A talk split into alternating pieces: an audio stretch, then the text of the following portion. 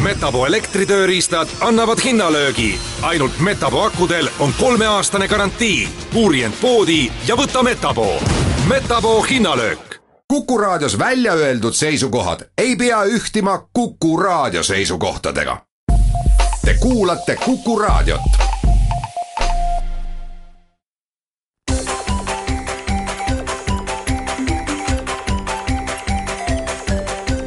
maksumaksja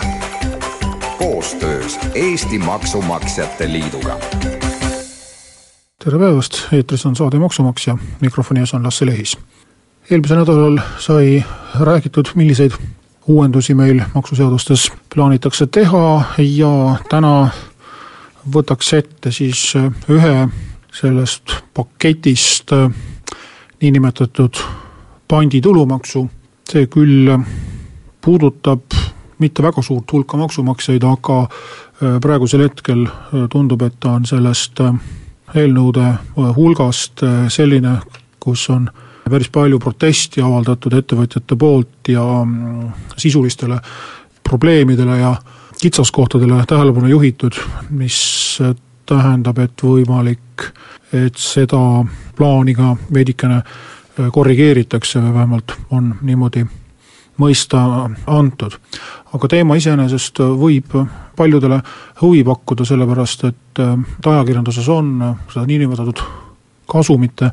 väljalaenamist äh, üpris tihti kajastatud ja võib-olla kohati isegi ebaõiglaselt ülekohtuselt äh, sildistatud Eestis tegutsevaid väliskontserne, kes justkui ei taha üldse tulumaksu maksta ja dividendide maksmise asemel võtavad laenu et üldistamine kindlasti ei ole õige, aga praktika näitab, et äh, tõesti siin on väga erinevaid olukordi, millest äh, mõned paraku on sellised, mis vajaksid äh, kerget korralekutsumist, kui nii võib öelda, ja küsimus on olnud tegelikult algusest peale, ehk siis sellest ajast saadik, kui meie tulumaksureform läbi viidi aastal kaks tuhat, kuidas siis see kõige õigem lähenemine on, kuidas hoida ära kuritarvitusi, et äh, maksud oleksid ikkagi kõigil ühtemoodi makstud. ja ka praegune valikukoht, äh, nii nagu, nagu tol ajal, seitseteist aastat äh, tagasi, oli lühidalt öeldes kas, kas vorm või sisu. ehk siis kui maksuseadust kuritarvitatakse, seaduse mõtet väänatakse, siis üks võimalus on kasutada sellist üldist paragrahvi, mis meil maksuseadustes olemas on ja Maksu- ja Tolliametil on võimalus siis iga kaasust üksipulgi uurida ja kahtluse korral siis näiteks esitada etteheide, et tegemist on teiseldud tehingutega või tegemist on maksudest kõrvalehoidmise tehingutega ja tuleb lähtuda siis niinimetatud tegelikust majanduslikust sisust, kui see siis lepingu vormiga kokku ei käi, ehk siis lepingu vorm on näiteks laenu andmine, aga tegelik majanduslik sisu on kasumi jaotamine, mis äh, kõige üldisemalt öeldes tähendab seda, et äh, laenusaaja tegelikult, kui ta seda laenu saab, ei kavatse seda laenu tagasi maksta, ta küll paberi peal seda kirjutab, aga sellist plaani tal ei ole, ta tegelikult pikendab seda laenu ja teeb kõike muud, aga raha tagasi ei maksa ja sellisel juhul võib seda olukorda võrdsustada dividendi maksmisega, mis tähendab, et oleks tulnud tulumaksu maksta, aga seda ei tehtud. ja nii on, on ka siiamaani öeldud, et, et las Maksuamet läheb ja, ja las ta kontrollib. ja sellel, sellisel lähenemisel on, on üks eelis kahtlemata see, et, et siis tõepoolest on võimalik noh, kui sikud ja lambad eraldada, et meil on kontsern, kus on kontsernikonto, kus tehakse igapäevaseid arveldusi või meil on sellised igapäevased tehingud, no kas või pankasid on palju süüdistatud, aga aga samas, kui loogiliselt võtta, kui, kui pangal on vaba raha, siis äh, tema peab ka oma vaba raha pangas hoidma, aga ta ei saa seda iseendas hoida, vaid ta peab seda hoidma teises pangas. ja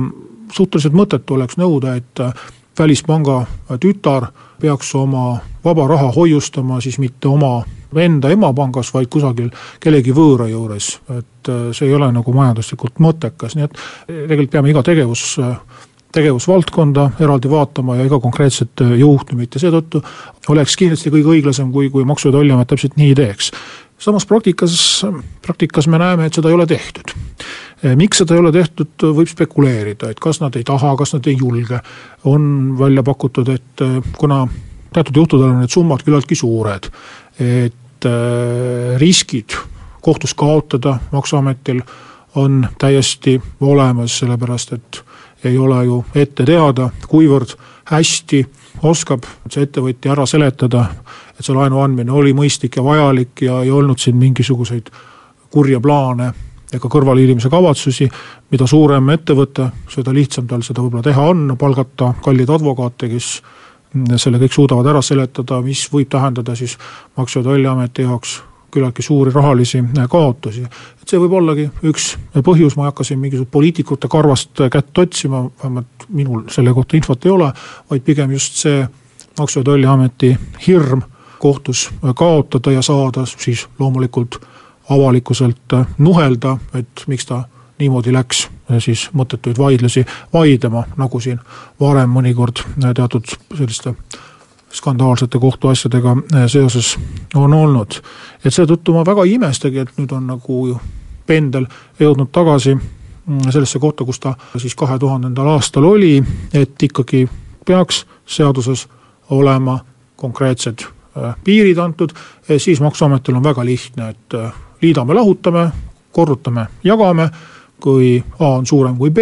tuleb tulumaksu maksta, kui A ei ole suurem kui B, tulumaksu maksta ei tule, kõik on väga lihtne, kõik justkui toimib suurepäraselt. kuidas see täpselt välja näeb, seda kohe pärast väikest pausi.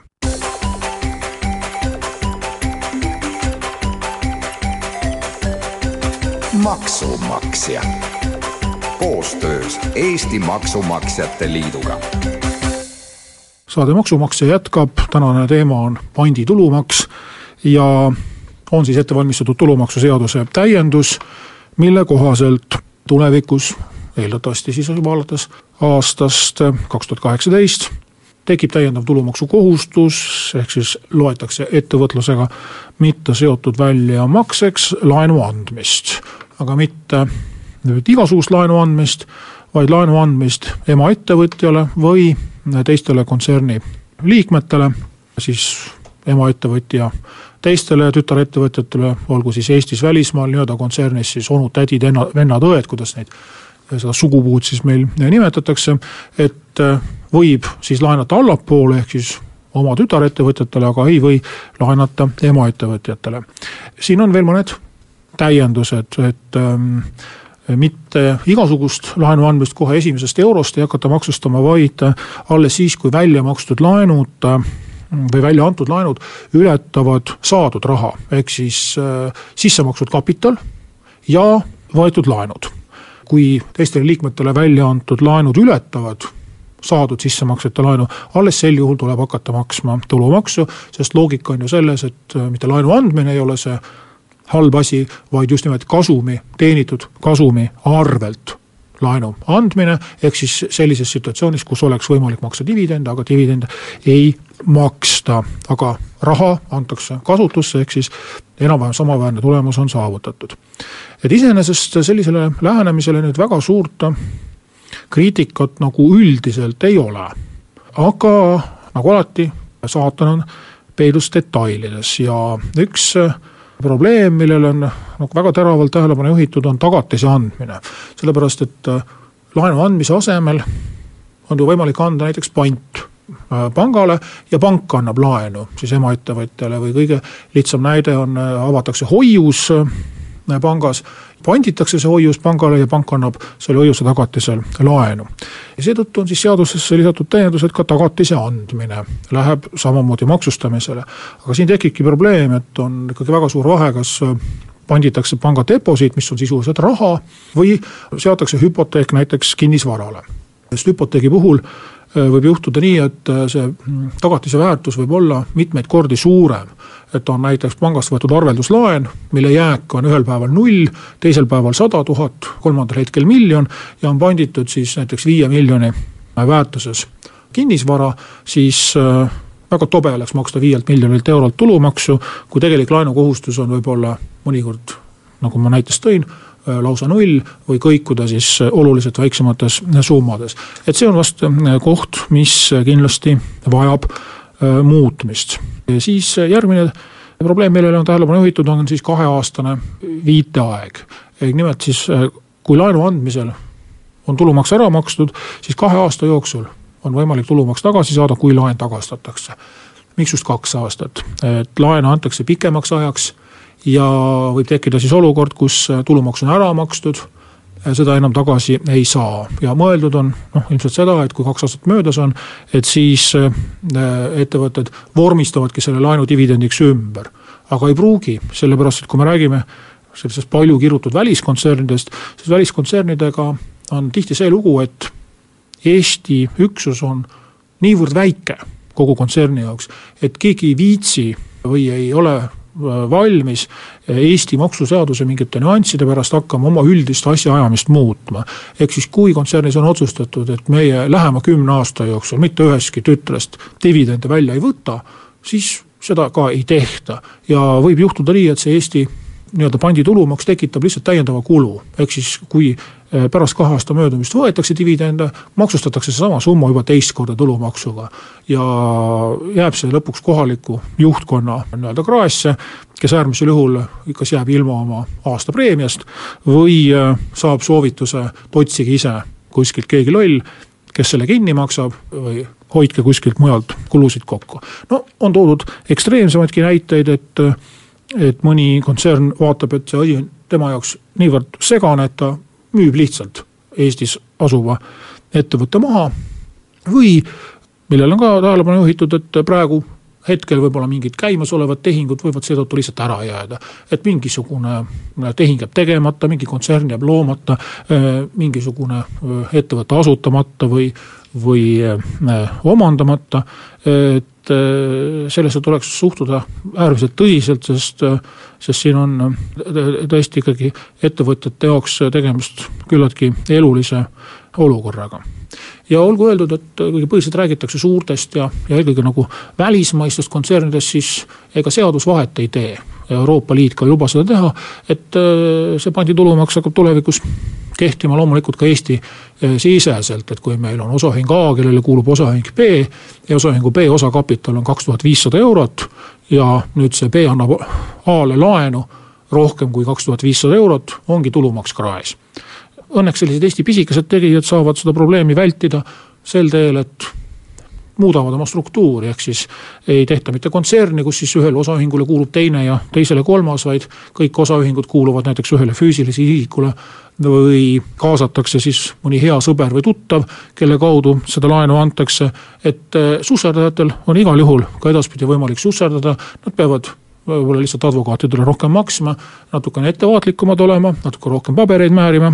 ja loomulikult nagu ikka, probleemid tekivad ausatel ettevõtjatel, suurtel struktuuridel ei ole võimalik, eriti börsiettevõtetel, öelda, et meil nüüd tekib siin mingisugune vahelüli või me nüüd allutame Eesti tütre, mida Rootsi peakontori alt kuhugi Bulgaaria filiaali juhtimisele või moodustame kuskile Seychellidele mingisuguse investeerimisfondi, mille kaudu laenu anda, et mõnede ettevõtjate jaoks ei ole see absoluutselt mingi probleem, mõne jaoks on selle peale mõtlemine juba täielik tabu, et üks ettepanek, mis on veel tehtud, et probleemi leevendada, eelkõige võib-olla Eestis tegutsevate ettevõtete jaoks, on panna summaline piir. et mitte ühest eurost alates neid laene maksta, vaid alates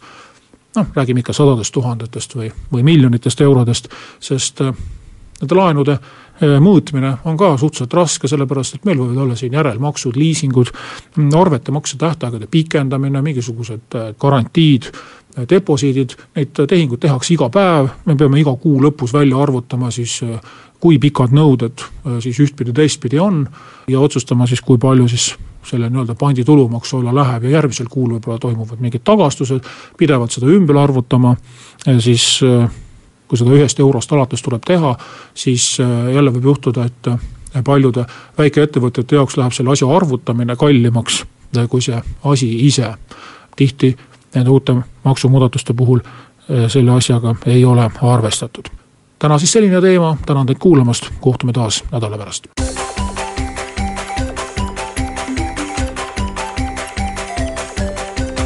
maksumaksja koostöös Eesti Maksumaksjate Liiduga